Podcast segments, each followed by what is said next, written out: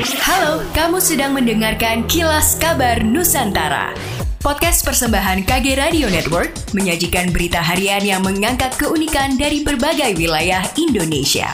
Kilas Kabar Nusantara dapat juga didukung oleh pengiklan loh.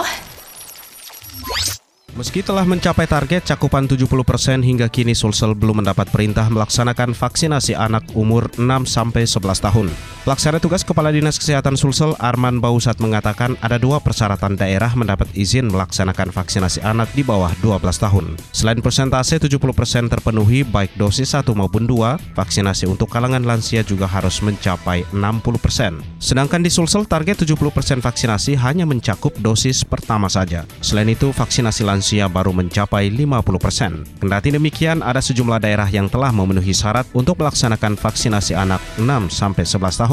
Di antaranya Luwu Timur, Toraja Utara, Palopo, Sopeng, Luwu Utara, dan Luwu Raya. Di sisi lain, Arman juga menanggapi terkait adanya kasus kematian dua warga di Kabupaten Bone pasca vaksinasi. Menurutnya sejauh ini belum ada ditemukan kasus kematian yang disebabkan vaksin. Yang terjadi di Bone dikarenakan yang bersangkutan punya riwayat penyakit jantung dan stres. Akan tetapi dengan adanya kejadian tersebut pihaknya mengingatkan para tenaga kesehatan khususnya vaksinator agar senantiasa teliti saat bertugas. Apa iya definisi perempuan cantik itu hanya dari fisiknya semata? Yuk simak pengalaman para perempuan dalam pertama kali berhijab, penyitas perundungan, hingga pejuang jerawat hanya di podcast Semua Bisa Cantik. Persembahan Stylo Indonesia dan KG Media. Pemerintah telah mengizinkan pembelajaran tatap muka atau PTM di wilayah PPKM level 1 dan 2 termasuk Jakarta dibuka secara maksimal alias 100%.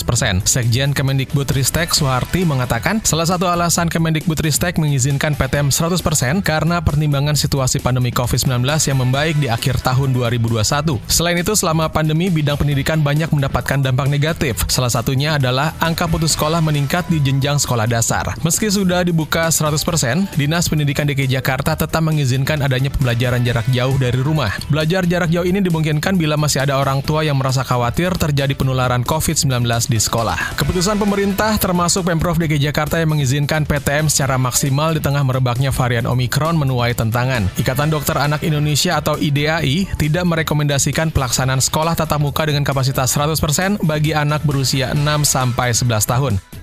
Kementerian Keuangan memberi sinyal akan tetap memberikan subsidi bahan bakar minyak atau BBM jenis Pertalite. Wakil Menteri Keuangan Suhasil Nazara mengatakan masih ada kemungkinan subsidi bagi Pertalite karena di dalamnya masih ada campuran premium. Senada, Direktur Jenderal Anggaran Isa Rahmatawarta mengatakan akan ada kompensasi pengadaan subsidi BBM jenis Pertalite yang basisnya tetap premium. Namun ia masih belum bisa mengumumkan berapa besaran subsidi yang akan diberikan.